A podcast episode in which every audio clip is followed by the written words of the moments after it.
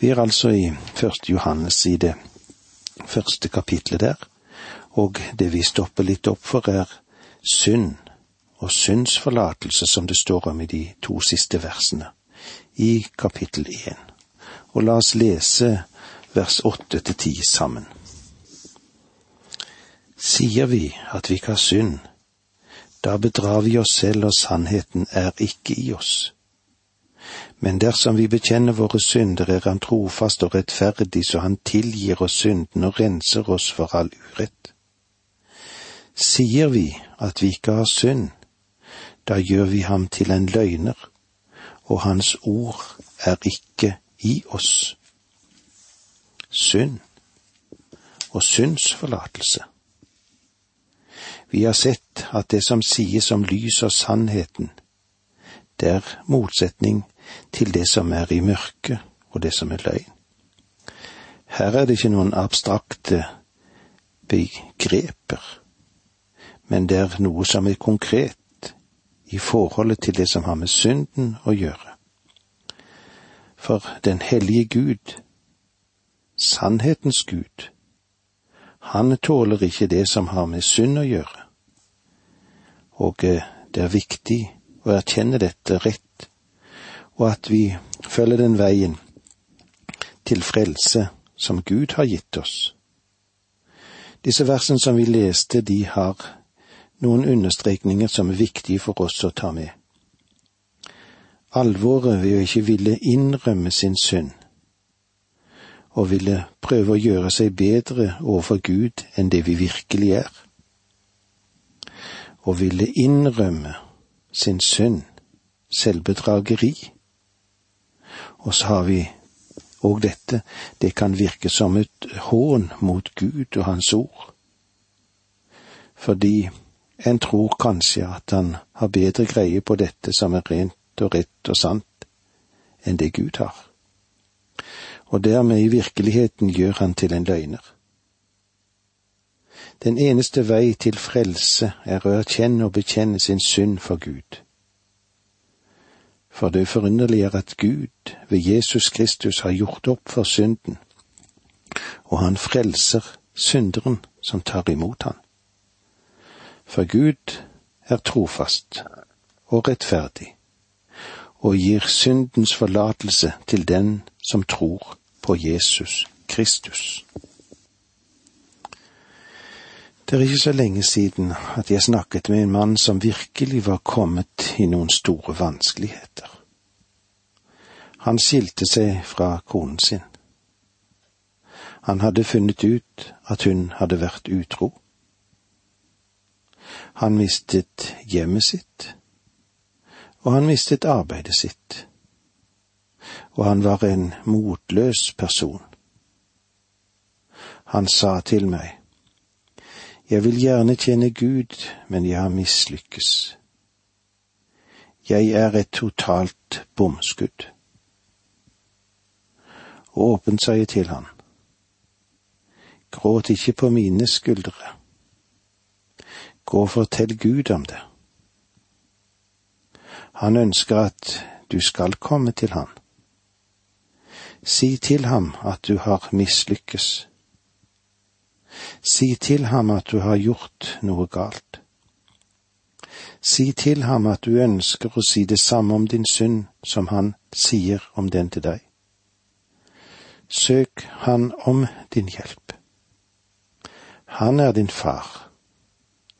Du er i hans familie. Du har mistet et fellesskap med han men dette fellesskapet, det kan gjenopprettes. Bekjenner du dine synder, så er han trofast og rettferdig, så han tilgir deg syndene. Etter at vi bekjenner vår synd, hva gjør Gud da? Han renser oss. I lignelsen om den fortapte sønn som kom hjem fra landet langt der borte, og en eim av den lukten som fulgte med han ifra grisebingen, var jo fryktelig. Du kan vel ikke tenke deg at faren ville tatt på han en ny kledning over disse illeluktende fillene. eller hva tror du? Jeg tror han ga ham et godt bad. Den romerske verden sto langt fremme når det gjaldt renslighet, og jeg er ganske sikker på at gutten ble badet grundig før den nye drakten eller kjortelen ble lagt satt på han. Neste uke, sa han ikke. Far, jeg tror jeg vil dra tilbake til det landet langt der borte og besøke grisebingen igjen. Nei, det gjorde nok ikke den gutten. Når du har bekjent din synd, så betyr det at du har vendt deg fra din synd. Det betyr at du har sagt det samme som Gud har sagt. Synden kan smake søtt, men har de mest rystende konsekvenser.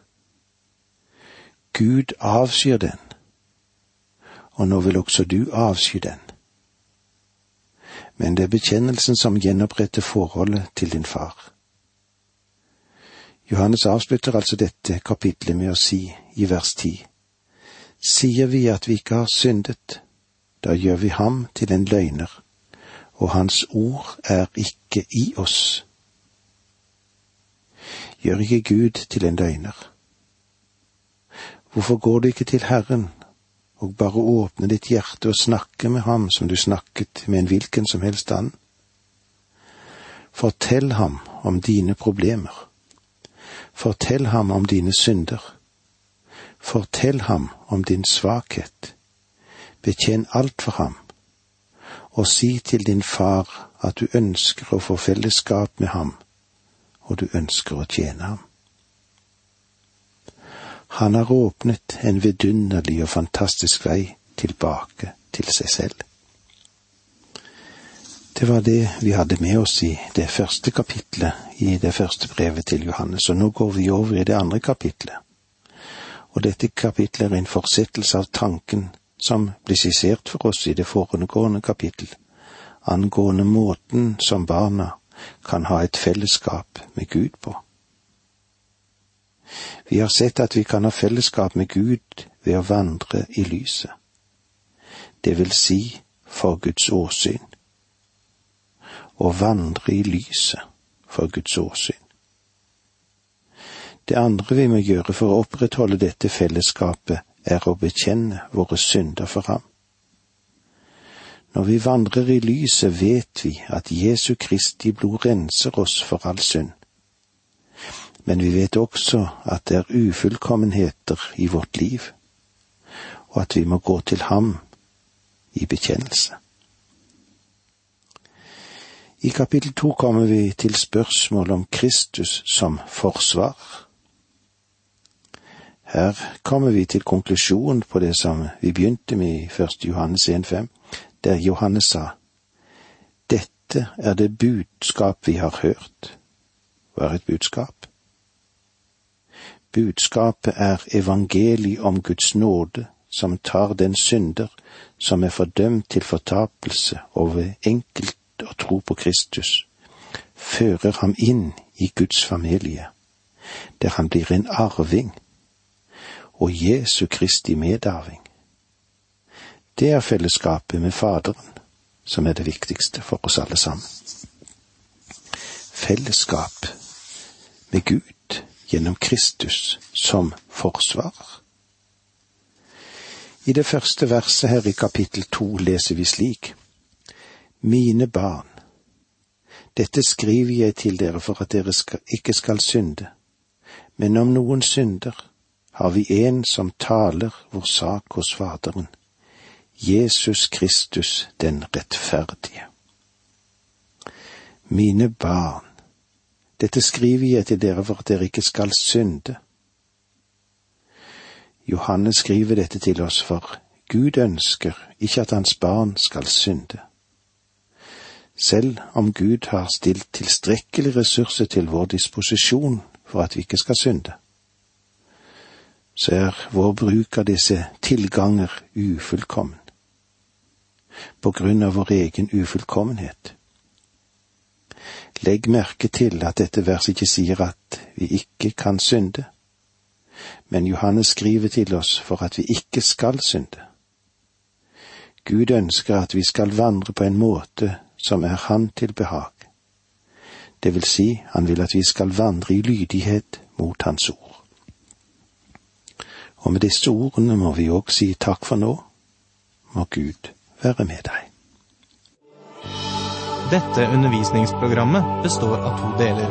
Åge Nevland fortsetter nå med andre del av dagens undervisning. Vi er i Første Johannes brev i det andre kapitlet, helt i begynnelsen av dette kapitlet, og vi får oppleve hvordan fellesskap med Gud gjennom Kristus som forsvarer vil hjelpe oss. I det første verset her i det andre kapitlet leser vi slik. Mine barn, dette skriver jeg til dere for at dere ikke skal synde. Men om noen synder, har vi en som taler vår sak hos Faderen, Jesus Kristus, den rettferdige. Det er farlig å tro at en kristen må og skal tape kampen mot synden.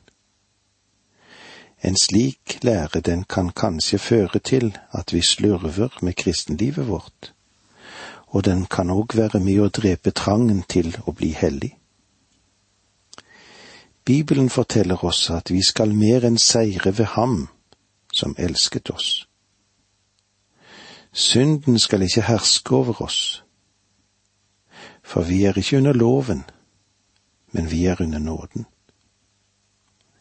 Når apostelen skriver dette underlige og mektige brev for at vi som leser dette, ikke skal synde. Den gamle Herrens kjempe, Johannes, vet nok at Satan lever. Han vet også at en syndig natur eksisterer i oss som kristne. Men han kjenner også til Guds kraft, og vet at Gud er mektig til å gi oss seier over fienden, både i oss og utenfor oss. Denne tillit til Gud skal være vår styrke i striden mot synden.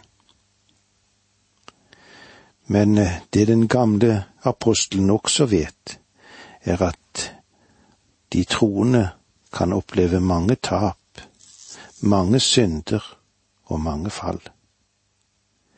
Derfor lager han ikke en seiersteori som henger høyt oppe over hodene på oss som kjempende kristne. Han er som en kjærlig mor som tar seg av barna, selv om de kan ha mange feil og mangler. Gud fører oss inn i sitt rike gjennom Jesus. Han ber oss om ikke miste motet for tvilet, eller hva det måtte være. Han løfter oss i åndelig mening, slik at vi kan ha blikket vendt mot Jesus. Han som er der ved Guds høyre hånd, han som taler vår sak, han som bar våre synder, han som viser seg nå for Guds åsyn med de naglemerkede hender. Han er ikke dommeren, han er frelseren. Fra Guds høyre hånd er Kristus, og det utgår en strøm av kraft gjennom den kjempende kristne. Derfor behøver vi ikke fortvile oss. I Kristus, ordet som Han har gitt oss, ligger det skjulte krefter, og det skal tilføre hver ærlig sjel. Mine barn, dette skriver jeg til dere, for at dere ikke skal synde. Men om noen synder har vi en som taler vår sak hos Faderen, Jesus Kristus, den rettferdige. La meg igjen få minne dere om at første Johannes brev er en familieepistel eller et familiebrev. Den understreker fellesskapet i Guds familie.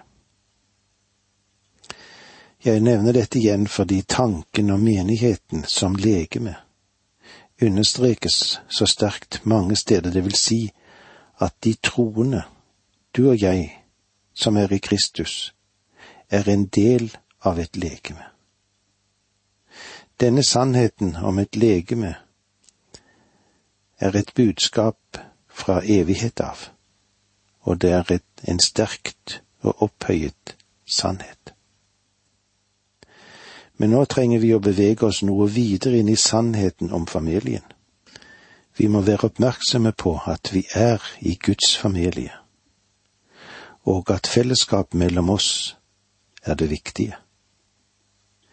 Vi trenger å ha fellesskap med vår himmelske Far. Mine barn.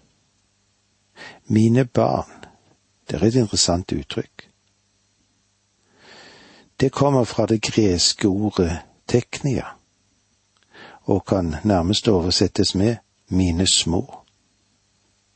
Men det lyder ganske barnslig, det, kanskje. Dette skriver jeg til dere for at dere ikke skal synde.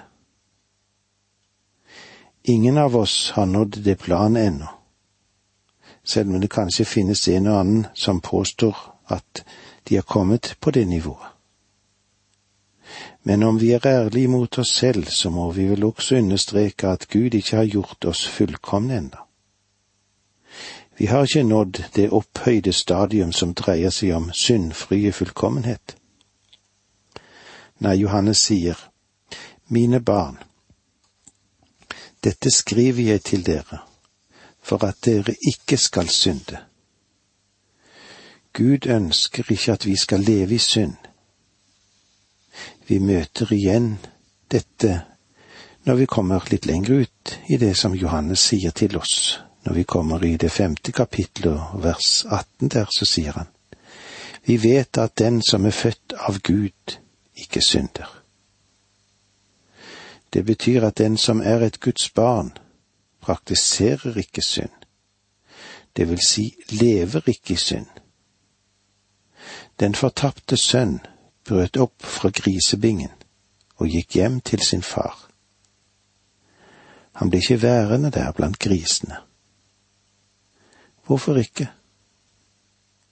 Fordi han var sønn og ikke en gris. Vi må også legge merke til at det blir understreket i Forkynneren det, i det syvende kapitlet vers 20. Det finnes ikke et rettferdig menneske på jorden som bare gjør godt og aldri synder. Kanskje du og jeg i dag kan si jeg tror ikke at jeg har gjort noe særlig vondt i dag. Men eh, hva da med å gjøre noe godt? Jakob sier, Den som vet hva godt han burde gjøre, men ikke gjør det, han synder. Det er gjerningssynd og unnlatelsessynd. Du og jeg, vi skal vandre i lyset. Når vi vandrer i lyset, vil vi se hvor langt vi egentlig er fra Gud og det han ønsker. Ethvert ærlig Guds barn ønsker å ha fellesskap med ham og likevel vet den inni seg selv at den er kommet til kort i livet, med det som var ment slik han skulle leve. Det er synd i ens liv, og synd, selv hvor liten den er, er et brudd på fellesskapet med Faderen. Det fortelles om Spurgeon at da han krysset en gate en dag, stoppet han plutselig. Det virket som om, han ba, og det gjorde han også. En av lederne i menigheten hans ventet på den andre siden av gaten og sa til ham. Hvorfor stoppet du? Du kunne jo ha blitt kjørt ned av en vogn. Hva gjorde du? Det virket som du ba. Spurgeon svarte. Ja, jeg ba virkelig. Den andre spurte da, hva var det som var så viktig der, da? Hva som var viktig? Det kom en sky mellom meg og min frelser, og jeg ønsket å få den bort hurtigst mulig, selv om jeg sto midt i gaten. Det finnes kristne som lever i et spenningsforhold der de til stadighet er ulydige mot Gud og allikevel undrer de på hvorfor de ikke har fellesskap med ham. Vi må alle være klar over at synd fører til brudd i kommunikasjon med Gud, i fellesskapet med ham. Vi må vite at vi ikke har tapt vår frelse. For i neste åndedrag legger Johannes til. Men om noen synder har vi en som taler vår sak hos Faderen Jesus Kristus. Legg merke til at Johannes sier, Vi har en som taler vår sak hos Faderen. Johannes kaller ham ikke Gud fordi han fremdeles er vår far, selv om vi har syndet. Derfor må vi være oss bevisst at vår frelse hviler på det Kristus har gjort for oss, og det er en avsluttet gjerning. Vi kan ikke legge noe til dette, det er fullbrakt, det er et fullført verk. Det Kristus har gjort, er det vi trenger for å finne frelse. Men hvis du og jeg skal ha fellesskap med ham, så er det også noe annet vi skal legge merke til. Men om noen synder, har vi en som taler vår sak hos Faderen, Jesus Kristus den rettferdige. Hvem er han? Han er Jesus Kristus den rettferdige. Ordet å tale vår sak kommer fra det greske ordet parakletos, som er det samme ordet som oversettes med talsmann i Johannes evangeliet. Den hellige ånd er vår talsmann her nede, og Kristus er vår talsmann der oppe. Og med disse ordene må vi si takk for nå. Må Gud være med deg.